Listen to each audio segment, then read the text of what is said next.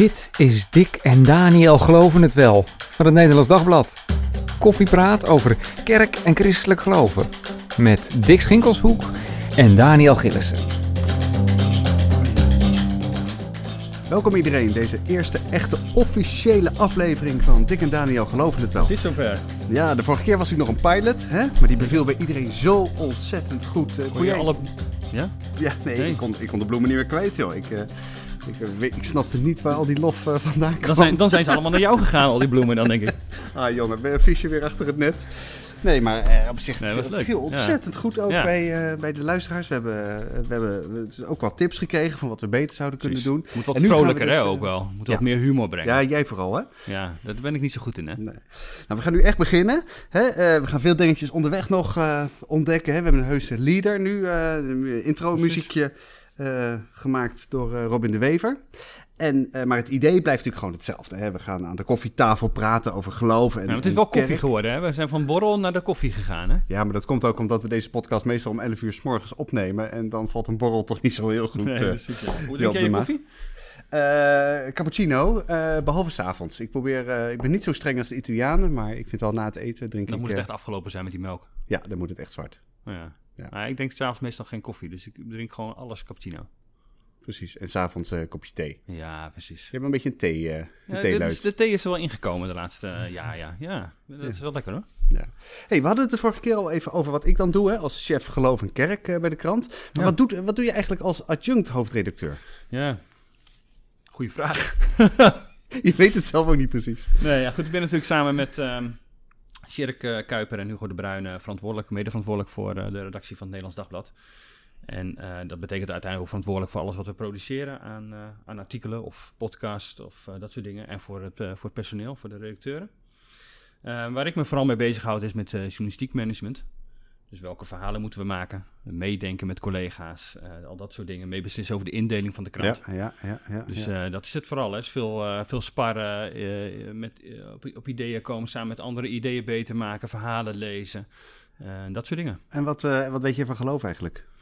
Ja, eh, nou ja, ik ben een professioneel gelover. Professioneel. Nee. Ik, eh, ik, ik ben bij het Nederlands Dagblad eh, begonnen op, de- op de kerkredactie lang geleden. En daar een tijd gewerkt en ook chef van kerk en religie geweest. Dus eh, ja, het heeft altijd mijn interesse gehouden. En Dus ik ben Je bent een van mijn voorgangers eh, eigenlijk. Ja. Klopt, ja. Ja, ja. We staan op Ja. elkaars schouders. Nou, nee, ik sta op jouw schouders hoor. Het is echt. eh, Hey, dit was echt de week van een groot internationaal onderzoek hè, over corona en geloof. Een Amerikaans Ja. bureau heeft, heeft eh, in 14 landen nagevraagd hoe dat nou zit. Hè, met eh, het effect is van, de, eh, van deze hele pandemie, deze ellende op, op de gelovigheid van mensen. En wat blijkt dan dat hoe geloviger mensen zijn, christelijk of niet, hè, dat maakt dan even niet uit. Hoe steviger ze zeggen dat hun geloof is geworden in de afgelopen maanden. Herk- Herken je dat bij jezelf? Nou, ehm, ik vond wel de Nederlandse uitkomst, dus het heeft niet zoveel invloed. Ja, dat Die- is ook die- apart trouwens. Hè? Die herkende ik vooral eigenlijk wel.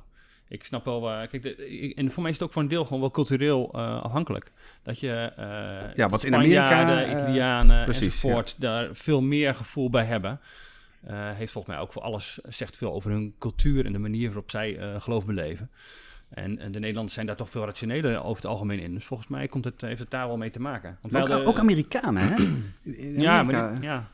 Maar ja, Amerikanen zijn toch ook in, een, in religieus, zeg maar. Dat, is gewoon, eh, dat hoort helemaal bij hun identiteit als Amerikaan. Ja. En dat hebben Nederlanders niet op die manier, volgens mij. Maar jij zelf herkent dat eigenlijk niet zo. Jouw geloof is gewoon steady as ever. Voortkabbelend als ever. Precies. Nou ja, kijk, ik denk... Hetzelfde vertrouwen, dezelfde hoop. Ja, nou ja, ja ik, denk, ik denk wel dat... ehm, dus, eh, het is, het is crisis, dat merken we allemaal. Ehm, maar de crisis, dat zeggen zij Benno van der Toren ook bij ons in Nederlands Dagblad wel wat, eh, wat over. Eh, van hoe die dat duiden, hè, dit, dit onderzoek. En dat het misschien de crisis nog wel niet diep genoeg is om ons Nederlanders tot eh, meer religieus besef te brengen. Tot bekering. Tot bekering zelfs te brengen. Ehm, ik denk dat dat zeker wel een, een rol speelt. En voor mezelf dus ook wel. Van, ja, er, zijn, die, er zijn crisissen die je persoonlijke heftiger kunnen treffen. Uh, en uh, dan is deze iets wat ons allemaal raakt. En wat, dat geeft ook wel weer een soort, uh, soort van rust, zeg maar. Je staat hier niet ja. alleen voor. Dus ja. misschien is dat dan dus, heeft het ook wel invloed op inderdaad, wat verwacht ik van, van God. Tegelijk leert nood ook wel bidden. En ik merk dat dat wel helpt. Hè. Ook als je zelf, wij hebben altijd in de zondagbijlage een, een gebed. Jij schrijft die, ik doe er ook aan mee. En um, het gebed van afgelopen zondag, uh, uh, ja, dan helpt het wel als je in die crisis zit om daar woorden aan te geven. En dan zie je ook dat dat wel wat met mensen doet. Ja. Ik merk het zelf eigenlijk vooral, ik, ik preek nog wel eens op zondag, dat, dat mijn preken een soort nieuwe urgentie hebben gekregen. Dat ik het ook makkelijker vind om, om die bijbeltekst te betrekken oh ja. op, op vandaag omdat we, we hebben allemaal, we zitten allemaal met, met hetzelfde. van... Ja. Omdat het op hetzelfde gevoel. Dat je niet, uh, de, de een het gewoon heel lekker gaat en de ander in crisis zit. Die moet je anders altijd bedienen. Nu heeft iedereen een bepaalde manier met die crisis Iedereen heeft een probleem, ja. Ja, en het probleem is ook voelbaar. We, zetten, we ja. zaten natuurlijk best wel in een hele riante, uh, riante situatie. Veel welvaart, uh, een heleboel dingen en rampen en problemen waar de Bijbel over schrijft, die, die, her, die herkenden we eigenlijk niet meer. En ineens uh, zorgt zo'n zo'n pandemie, zo'n corona-uitbraak er dan voor dat die, dat die teksten opnieuw gaan, hm. gaan, gaan, gaan leven. En krijg je dan ook meer reactie op dan? Van, ja, ja luisteraars in dit geval. Ja, nou, dat, is, dat is natuurlijk gek, hè? Want uh, de vorige keer hadden we het er ook over. Je, als je uh, preekt, bedoel, beeldje is in, hè? Als jij op zondag nu naar een livestream zit te kijken, dat die dominee aan de andere kant dus naar één groot zwart oog kijkt op zijn ja. best en dus helemaal geen, geen respons Contact krijgt. heeft met nee. de luisteraar. Dat is heel nee. gek. Dus, ja, dus strikt genomen krijg je minder reactie. Maar de reacties die je krijgt gaan eigenlijk allemaal hierop, hierop in. Ja, ja. Van, wat heeft corona nu met ons geloof te maken? Ja. Ja, en dat vond ik ook wel, dat, dat merk je dus ook aan nou ja, zo'n gebed dan, uh, die op Insta nog, uh, Instagram uh, van het Nederlands Dagblad na te lezen is, maar het geldt ook voor de andere gebeden, dat daar veel, veel reactie op komt en dat mensen dat mooi vinden dat het een woorden geeft. En dat, dat is wel, dat is natuurlijk wat, wat ook voor de, de, de dominees geldt. Ja. En voor anderen die daar woorden aan geven aan de crisis die mensen voelen. Ja. En meer dan inderdaad aan, aan oplossingen, zeg maar. Maar het verwoorden daarvan. En dan gaat het ook weer terug, terug naar de kern ergens, hè? Ja. Van, dan, wat betekent het nou dat ik, dat ik Christus volg in deze wereld? Ja. En wat maar, maakt het dan voor verschil? En ja. Dan, maar ik denk dat, dat wij Nederlanders dus toch sneller gewoon naar de, naar de natuurlijke verklaringen zoeken, zeg maar, van waar komt die pandemie vandaan. En dat is niet zo snel afvragen van wat wil God hier allemaal mee zeggen. Nee, nee dat vind ik op zichzelf ook wel een goede zaak. Je hebt daar uh, bij ons in de krant ook wat een en ander uh, over geschreven. Uh, dat zomaar iets, uh, een straf van God noemen. Ja, dat soort uh, dingen. Bijvoorbeeld, ja. ja dit is ook wel heel makkelijk, want 9 van de 10 keer als iemand bijvoorbeeld corona een straf van God noemt, dan gaat dat over iets waar ze zelf geen last van hebben. Nee. Waar ze zelf bij voorbaat toch al tegen waren. Bijvoorbeeld, dus God heeft, dat was die dominee Kort van de ja. de gemeente Krip aan de IJssel. God heeft corona gestuurd vanwege onder meer homoseksualiteit en abortus en euthanasie. En dan krijg je maar vooral hele, waar, die, waar, waar mensen dan zelf niet schuldig aan zijn. Nee, precies. En bij voorbaat al, al, al zelf tegen waarschuwden. En uh, dat zie je natuurlijk ja, veel vaker. Dat in, gelijk. precies, in allerlei crisis staan ja. er natuurlijk altijd allerlei profeten op die, uh, die roepen. Uh, ik heb het altijd al gezegd. Ja. En nou, dit, dit komt er allemaal van. Ja. Maar kun je iets zeggen over dat God er mee te maken heeft? Het blijft altijd wel een lastige. En de kant wil je dat natuurlijk wel. Heeft God overal mee te maken en weet hij ervan? En tegelijk denk ik, ja, goed. Um, geen idee. Dus, dus dat dat, uh, dat Bijbelverhaal hè, van, uh, van Jezus die met zijn leerlingen een blinde man tegenkomt. En die leerlingen die vragen aan hem van ja, die man daar langs de straat, heeft hij nou gezondigd? Of, uh, of waren dat zijn ouders? Wie schuld is het nou? Hmm. Zeg maar, ja, of heeft God het gedaan? Maar misschien durfden ze dat niet te vragen. En Jezus zegt, ja, maar dit, dit, dit, daar gaat het helemaal niet om. Die man nee. heeft niet gezondigd, dat zijn ouders ook niet. Het, het gaat erom dat, nou, hij zegt dan letterlijk, Gods, Gods werk moet in hem zichtbaar worden. Hmm. Dus vragen hebben ook niet zoveel zin. Nee, ze hebben helemaal niet zoveel zin. Nee. Het is meer de vraag, wat, uh, wat doe je er vervolgens mee? Ja. ja, het is wel interessant natuurlijk. Ik ben ook wel benieuwd of daar, uh, als, ik, als we terug gaan kijken op uh, de pandemie, en er zullen ook wel meer dit soort onderzoeken volgen, van wat inderdaad de invloed daarvan is geweest. En waar ik nog helemaal benieuwd naar ben, is natuurlijk ook gewoon heel de be betrokkenheid van mensen op geloven. En ook uiteindelijk alle rituelen die ze daarin wel of niet zich nu weer aanwenden. Uh, wat daarvan stand houdt. Ja. Dat zijn natuurlijk wel uh, interessante dingen. Dat is wel zo groot dat het ongetwijfeld uh, ook op dit soort dingen invloed heeft. Ja. Hey, het ging over deze week ook over de vaccinatie hè, van, de, van de dominees. Ja, ja. Dat moet je ja, jou wel ja, aanspreken. Ja. Dat je dacht van, nu ben ik, sta ik voor in de rij. Ja, ik heb mijn mouw al opgestroopt. Ik zie het, ja. Kun je zien. Maar ik, nee, ik denk niet dat het, zo, dat het zo hard zou gaan. Volgens mij is het ook... Het is wel onzin ook. Ja. Aan de ene kant, kijk, voor mij is het natuurlijk onzin. Ik ben geen gemeentepredikant meer. Dus als ik daar nou uh, vooraan zou gaan staan uh, van... Uh, hallo, mag ik ook al een prik? Dat zou, dat zou echt misbruik zijn van ja. al die voorrangsposities... die mensen nu voor zichzelf aan het verwerven zijn. Ik vind het sowieso hoor, ik heb daar wel vragen bij. of, die voorrang die, of je voorrang moet krijgen. Überhaupt al ja, die ja, ja, ja, ja, ja. kijk, ehm, ze waren natuurlijk... Het, het, leek natuurlijk even alsof dominees als beroepsgroep voorrang wilden... Van, uh, wij doen ook heel belangrijk werk, net als in de zorg. Wij zijn van de, van de zielzorg, zeg maar, van de geestelijke zorg. Dus wij dus mogen ook? Ja, dus wij mogen ook. Maar uh, het bleek uiteindelijk te gaan om een hele selecte groep uh, gemeentepredikanten of andere predikanten op andere plekken in instellingen en zo, die, die met, met, met de allerzwakste en de allerkwetsbaarste werkten. Nou, daar is op zich best iets is iets voor te zeggen, vind ik. Ja, maar die krijgen toch, uh, als ze bij verpleeg, in verpleeghuizen of ziekenhuizen werken, worden ze gewoon bij personeel worden ze gewoon ingeënt. Ja, ja precies. Die, dus groep die, die, groep is sowieso aan de beurt. Maar dan gaat het inderdaad uiteindelijk om gemeentepredikanten die ook veel in dat soort instellingen ja. komen. Ja. Maar ja, hoe selecteer je die dan? Hoe vaak moet je er dan zijn om inderdaad ook ingeënt te worden? Dat wordt natuurlijk een hele toestand om dat te bepalen. Jij vindt het niks. Nee, voor mij is het inderdaad dat de, de, de, zorg is nu als, als eerste aan, aan de beurt en logischerwijs en nu uh, de ouderen. En ik denk dat dat vooral belangrijk is dat dat uh, goed en snel gebeurt. Die vaccinatie is natuurlijk al een uh, ratje toe.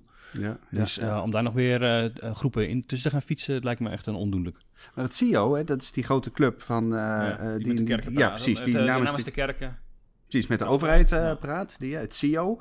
Uh, ja, die, die hebben deze vraag in ieder geval doorgespeeld uh, naar de minister. Ja. Dus het, is, het ligt ja, nu wel op het hoogste Ze zeiden wel vooral later ook na onze publicatie van wij zij hebben dat niet zozeer zelf gevraagd. We doen dat namens predikanten die dat willen. Ja, ja, omdat ze de vraag gekregen Waarom zouden ze dat doen? Waarom zouden ze zo aarzelend zijn?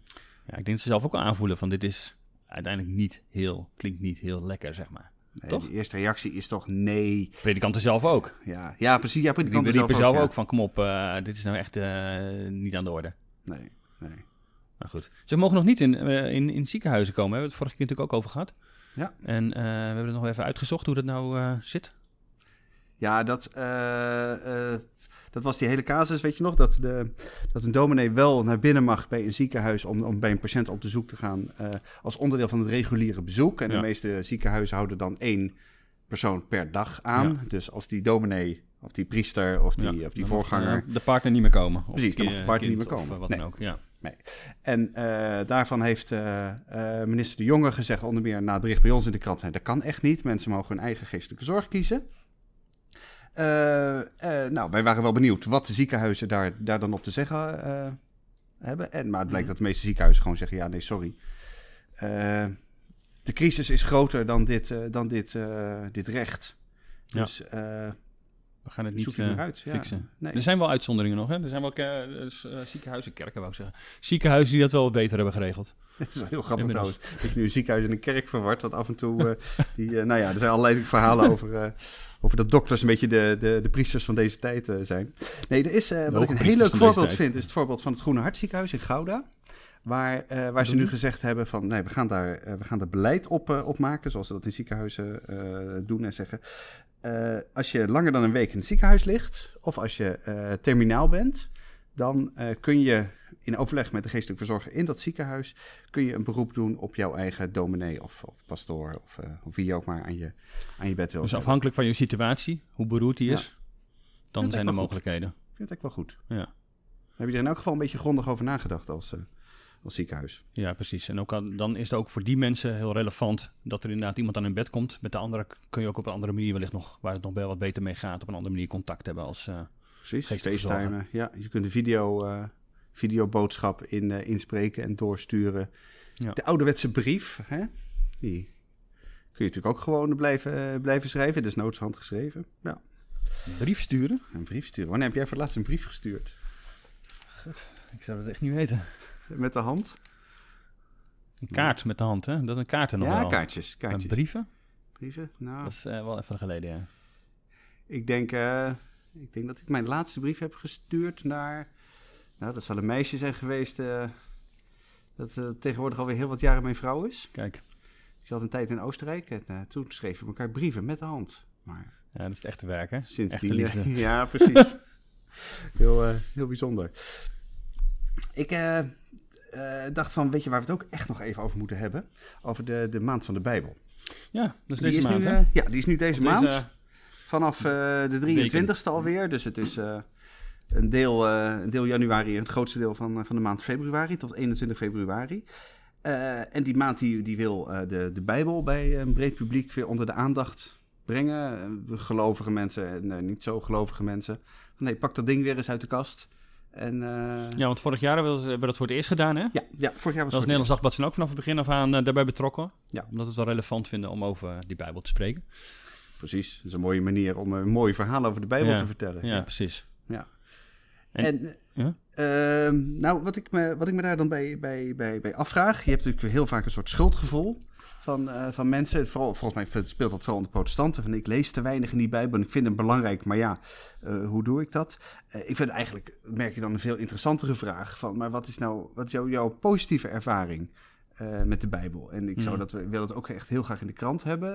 op die Ja, manier. om de mensen op te bevragen inderdaad van vertel je mooie ervaringen met de Ja. Bijbel en wat de Bijbel met jou gedaan heeft. Precies, ja. En niet dat gevoel zeg maar, van oké, maar eigenlijk doe ik niet wat ik wel zou moeten doen. En dat is dagelijks bijvoorbeeld in de Bijbel lezen. Drie, wel een beetje, ik vind het ook wel een ding hoor. Ik voel, je voelt het wel, zeg maar. Ja, voel je het? Ja, ik voel, ja. je hebt toch ergens het, het eh, meegekregen in opvoeding, of gewoon het hele beeld daarvan, dat het heel relevant is om elke dag in die Bijbel te lezen. En er zijn tijden dat ik dat eh, stelselmatig heb gedaan. En nu is dat eh, niet zo, zo systematisch. Wanneer, wanneer, dan, wanneer heb jij het stelselmatig gedaan? Waar ik, ik ben echt even heel erg flink in die Bijbel gedoken. En dan hebben we over eh, 1998, toen ik eh, met een paar vrienden een twee maanden in, eh, in Afrika, in Senegal zat. Hoe oud was je toen? Eh, net 20. Hmm. Net 20. mooie leeftijd. En eh, Ja. precies een mooie, goede bevindelijke opvoeding gehad. Dus eh, kende de Bijbel natuurlijk best, eh, best goed. Maar dan helemaal zelf door die Bijbel eh, heen kruipen, dat is toen wel, eh, wel gebeurd. Gewoon uh, statenvertaling mee. Maar dat deed je in je En, eentje of, eh, met, of met die mensen met wie je daar, met wie je daar veel was? ook al alleen, ja. Ja. En het is ook een tijd, bedoel, dat er, eh, we hadden nog geen, eh, we hadden geen wifi daar. We, we stuurden berichten met, met de fax naar huis, zeg maar. Of we moesten ingebeld worden met internet, met dat, eh, nou ja, de, je had gewoon eigenlijk helemaal niks anders te doen dan de Bijbel nee, lezen. nee, ja, precies. Een beetje met elkaar kletsen en daar rondlopen. En natuurlijk eh journalistieke verhalen maken in die tijd al. Maar eh, ook veel, eh, veel vrije tijd. En er is, eh, ik heb gewoon wel flink in die Bijbel gelezen. Dat heeft me wel heel erg geholpen. Ja, wat heeft het je gebracht? Ja, misschien is het wel een soort eh bekeringsmoment ook wel eh, geweest. Ja? Ervaren dat inderdaad eh, God ook zich om mij bekommert. Zo.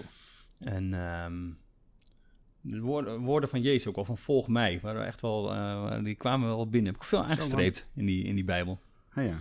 Dus dat, dat, dat raakte mij wel. En, Dus het ehm, levert dus echt wat op. Om, ja. Ja, precies. Ja. En, en dan is het stom genoeg, zeg maar, van eh, hoeveel doe je er vervolgens dan nog weer eh, Ja, aan? En blijf je daar ook in, in, eh, in lezen? Maar ehm, eh, en ik heb een hele zooi bijbels thuis staan, alle soorten en maten en vertalingen en zo. En, en grijp daar ook wel regelmatig naar.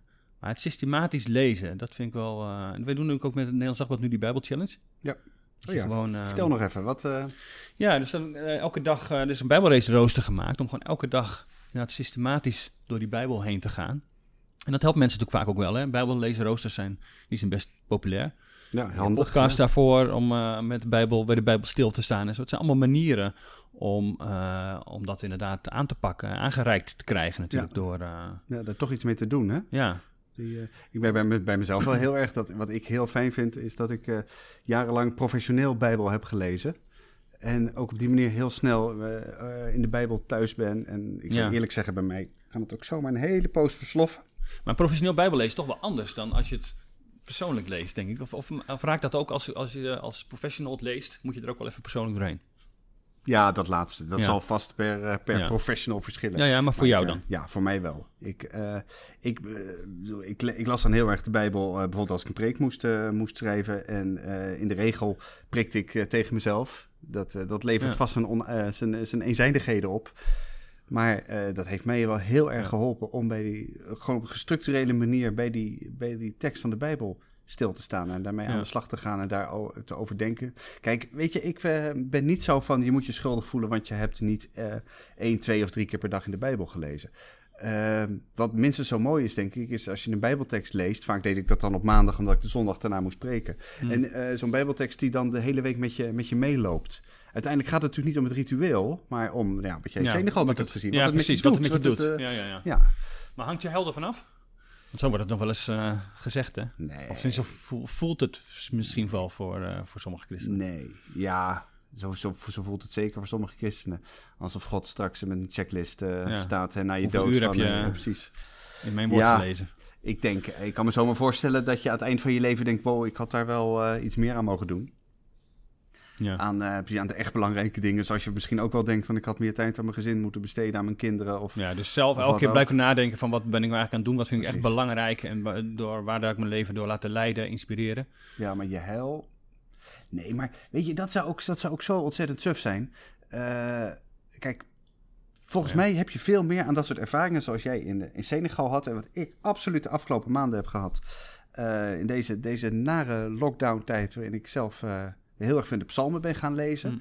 dat je ontdekt dat het echt iets met je doet. Is er een psalm die je dan nu nog, uh, waar je denkt van die heeft mij ja, ik, geraakt? Uh, dat was uh, psalm, psalm 42. Ik heb daar niet toevallig ook een, ook een preek over geschreven, want er moet wel, er wel ja. iets, iets nuttigs mee gebeuren. Dat existentiële daar doorheen gaan, ja. zeg maar, helpt wel om ook weer een, een, goed verhaal te houden. Ja, precies. Dat je, dat je merkt dat, nou bijvoorbeeld in die psalm staat, weet je, dat is psalm van het heigend hert. Ja. Uh, dat er staat van, uh, die, die, die, die psalmdichter vertelt, ja, ik, ik verlang terug naar de tijd waarin uh, het, is het, mensen juichend en zingend opgingen naar, naar Gods huis. Hè, een grote menigte bij elkaar. Mm -hmm. Nou, dan denk ik, juichend en zingend, nee, zit er niet in. Met een grote menigte, ja, het moet wel op anderhalve meter afstand, met maximaal 30 ja, mensen, ja, of nu precies. helemaal niet meer. Ja, ja, En dat, dat verlangen, ik maak dat dan ineens enorm mee. En ik valt me steeds meer op dat juist in die psalmen, die die diepte van het menselijk leven absoluut zit. Je moet, ja, je moet wel een beetje moeite voor doen. Ja. Maar uh, zeker als je het vergelijkt met heel veel moderne christelijke liederen. Het is vaak een beetje makkelijk, hè, dat allemaal tegen elkaar afzetten. Maar het is echt niet voor niks dat die psalmen al 3000 jaar ja. of, of, iets minder lang uh, uh, meegaan. Ja, daar komt de diepte van het leven nog meer in mee, zeg maar, dan, dan feel good nummers van, die, die, we soms nu zingen. Ja, en die, die moet je vooral zingen. Ik, kunnen ook ontroeren, hè? Oh man. hey, maar even nog, uh, we hebben online colleges, daar even gewoon uh, reclame voor maken. Ja, ga zo die naar reclame maken. Precies, elke week uh, hebben we ND, een online ND-college die je gratis bij kunt wonen. En gisteren is er eentje gegeven door Jermo van, S, van Nes over Filemon. Ja. Met meer 800 deelnemers. En die, dus die loopt als een trein, liep als, liep als een trein, ja. ja. En volgende week dus weer een. Arco den Heijer, een theoloog uit Kampen over uh, de eerste brief van Petrus. En wat leer je dan? Wat, uh, wat doen die? Nou, die gaan met jou de, de Bijbel doornemen en ook uh, wel met een actuele blik. Hè? Dus zoals gisteren gaat het ook over het, het, het, slavenbestaan van mensen, hoeveel mensen in slavernij leven. En um, nou, die brief van Filemon leert ook weer van hoe kun je met die moderne vormen van slavernij omgaan. Dus er wordt echt even naar die Bijbel gekeken door de ogen van nu. Wat kunnen we daarvan van leren? en dat, dat trekt veel kijkers. Ja, het is gratis hè?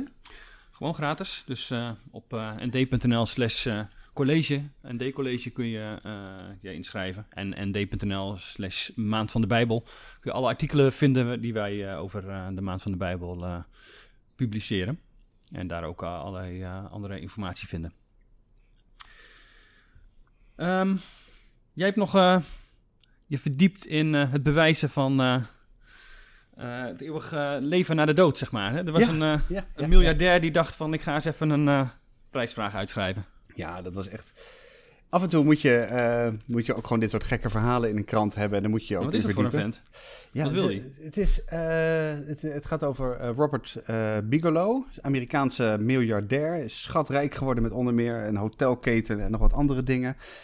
investeert ook heftig in, in ruimtevaarttechnologie. Eh, zo'n man met, met meer geld dan, die de rest van zijn dan dat hij in de rest van zijn leven nog kan uitgeven. Ja, precies. En, ja, om het ehm, dan weg te geven, lijkt me gewoon superleuk. Je gewoon zoveel geld hebt dat het nog niet uitmaakt eigenlijk. Maar goed, dus even tezijde. dat heb jij niet. dat heb ik niet, nee. nee, nee. Deze man die, eh, die heeft dat dus wel. En die uh, heeft, een, heeft een instituut opgericht uh, afgelopen najaar. Uh, om onderzoek te doen naar nou, wat is er nou echt voor bewijs? Wat zijn de aanwijzingen voor leven na de dood? Hmm. Dat is omdat hij daar al jaren in geïnteresseerd is. Maar dat heeft ook een soort persoonlijk kantje. In, afgelopen zomer is zijn vrouw overleden na een oh, nare, nare ziekte, naar ziekbed.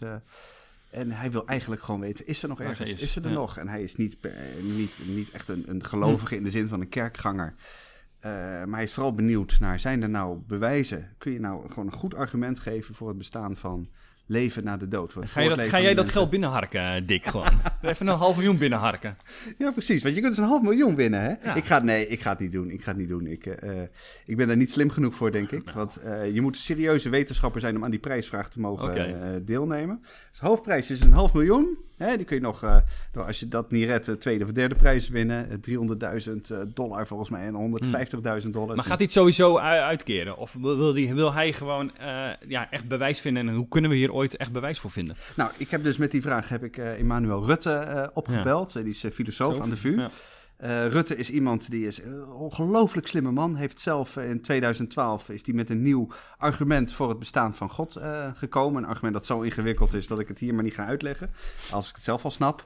En ik heb aan hem gevraagd van nou, moet die meneer Bigolo nou straks in, in november, volgens mij 1 november wordt... Hmm wordt uitslag bekendgemaakt, moet hij dan uh, een miljoen aan prijzen gaan, uh, gaan uitkeren. En dan zei nou ja, dat zou zomaar kunnen, want het ligt natuurlijk maar net aan, uh, wat is er voor nodig om, om deze meneer, ja. of jou of mij, wat is bewijs natuurlijk in deze, ja, ja. Precies. En zoek je een, een, een ijzersterk wetenschappelijk bewijs. Maar het zal een filosofisch bewijs worden, toch? Ja, precies. Nou, daar, kijk, en als je zegt, nou, dat overtuigt me wel van een soort waarschijnlijkheid... Hmm.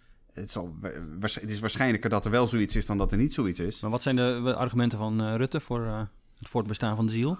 Nou, hij noemde er twee. Die vond ik op zich wel interessant. De eerste is het, het, uh, het, het, argument van de ondeelbaarheid van de ziel. Kijk, aan ons lichaam bestaat uit allemaal onderdelen. Dus als wij sterven, dan vergaat ons lichaam. Mm -hmm. Sterven is dus dat we, ja, eigenlijk valt alles uit elkaar. Maar de ziel bestaat niet uit meerdere onderdelen. Is alleen zichzelf. Dus als je ervan uitgaat dat een mens behalve een lichaam ook een ziel heeft, dan moet je zeggen dat die ziel blijft voortbestaan, want die kan niet uit elkaar vallen. Nou, ik weet hmm. niet of dat moderne mensen heel erg overtuigt, maar dit is in elk geval in de, in de geschiedenis van de, van de filosofie, zeg maar, van de theologie, hmm. is dit een argument. En de tweede is, wat ik een veel leuker argument vind, is het, uh, het argument van de, uh, dat zo redeneert van als, als God bestaat en als God ook uh, goed is, weet je, dan moet je dus eerst mm-hmm. vaststellen dat dat mm-hmm. zo is als, als er dus een goede God bestaat, dan kan het niet anders uh, dan, kijk naar de ellende in de wereld, dat God ook een leven na de dood mogelijk maakt om al die ellende recht te zetten. Dat is maar waarom doet God het dan nu niet, zouden mensen kunnen zeggen? Nou ja, ja, zeker. Goede vraag. Vraag het, uh, vraag het hem. Ja. Maar, nee, maar God doet dat niet. Dat is, dat is vrij duidelijk. duidelijk. Kijk ja. om je heen. Uh, dus is er een leven na de dood waarin ja. de, nou, waarin de Al die ja, precies. Uh, precies. die wordt gestraft voor ja. wat hij zijn slachtoffers heeft aangedaan en waarin recht gedaan wordt en de boel uh, goed gemaakt wordt. En dan is even de vraag of dat deze miljardair gaat, gaat overtuigen. Nou, ik heb aan Rutte gevraagd van, schrijft u een, ja. schrijft u een essay, stuurt u dat in, maar dat gaat hij niet doen. Hmm, het zal wel de Nederlander zijn om dat te doen natuurlijk. ja, precies. Nou, misschien heeft hij het niet nodig, dat zou... Laat dat half dat zou, maar, joh. Dat zou kunnen, maar dit zijn zeg maar de bewijzen. En zo zijn er nog wel een paar meer uh, ja. uh, te, te, geven. Maar eeuwig leven is voor, voor veel, veel christenen ook natuurlijk... En niet alleen voor mensen die in de, inderdaad in, uh, in de shit zitten... een soort uitzicht van het kan hierna beter worden. Maar ook voor christenen vaak van dit, dat is eigenlijk het doel... Hè, ja. Dus waarvoor wij leven, daarna eeuwig leven. tegelijk schrikt het ook mensen soms af. De oneindigheid. Hè, dus als de oneindigheid van het heelal een soort niet kunnen bevatten... Dat dan ja. de oneindigheid van het voortbestaan van de ziel na dit leven. Precies, die, die bizarre gedachte eeuwig voortleven. En wordt het dan niet onnoemelijk saai? Ja. Is, uh, is eeuwige rust niet... Als kind dacht uh, ik, het is een soort kerkdienst, je. Eindeloos, of dit wordt al van mij even verteld. Een soort eeuwige kerkdienst. Ik dacht nou... Ja, precies. Maar dan, ik dat leuk vind. Maar, maar dan in, in witte klederen in plaats van in zwarte pakken. Ja, die heb, dat zeg heb ik niet helemaal meegekregen. Maar ja, precies. Maar eeuwig zingen ja, voor Gods troon. Dat... Ja, is dat saai, hè? Ik, ik, vind dat wel een, ik vind dat wel een boeiende vraag. En die vraag is natuurlijk... Dus, ik bedoel, wij zijn helemaal niet de eerste die hem, mm. uh, die hem stellen. Maar het is perspectief van nu natuurlijk. Van wat wij nu denken ja. dat saai is. Precies, nou dan krijg je natuurlijk al die theologen die zeggen dan nee, maar het gaat om, we, we leven nu in de tijd en uh, eeuwigheid is zonder tijd. Dus het gaat niet om opeenvolging van, uh, van, van, van, van, van gebeurtenissen en hoe meer gebeurtenissen je meemaakt die hetzelfde zijn, hoe saaier het allemaal wordt. Maar dat kun je zo niet zeggen, dat is heel, heel anders. Uh, ik vind zelf, uh, een opmerking die ik ooit hoorde van, mm. de, van de Zweedse schrijver uh, Thomas Schödin, vind ik ontzettend mooi. Van als je gelooft in een goede God die, die een eeuwige rust in de aanbieding heeft voor mensen, dan zal die God ook wel oneindig creatief zijn. En met een oneindige creatieve God kan het nooit saai worden in de eeuwigheid. Nou, ik geef hem maar ter, ter overweging. Ja. Misschien dat het je, moeten je overtuigt. maar eens eh, laten, laten landen. En eh, daar even over nadenken van op welke manier stelt dat ons eh, gerust als het om het eeuwig, eeuwig leven gaat. Hey, het was weer aangenaam om met je te Ja. praten. Ja, iets gelijks. En nou, dat was hem dan voor, voor deze week. En volgende week weer meer. Tot dan. Ja, super. Tot dan.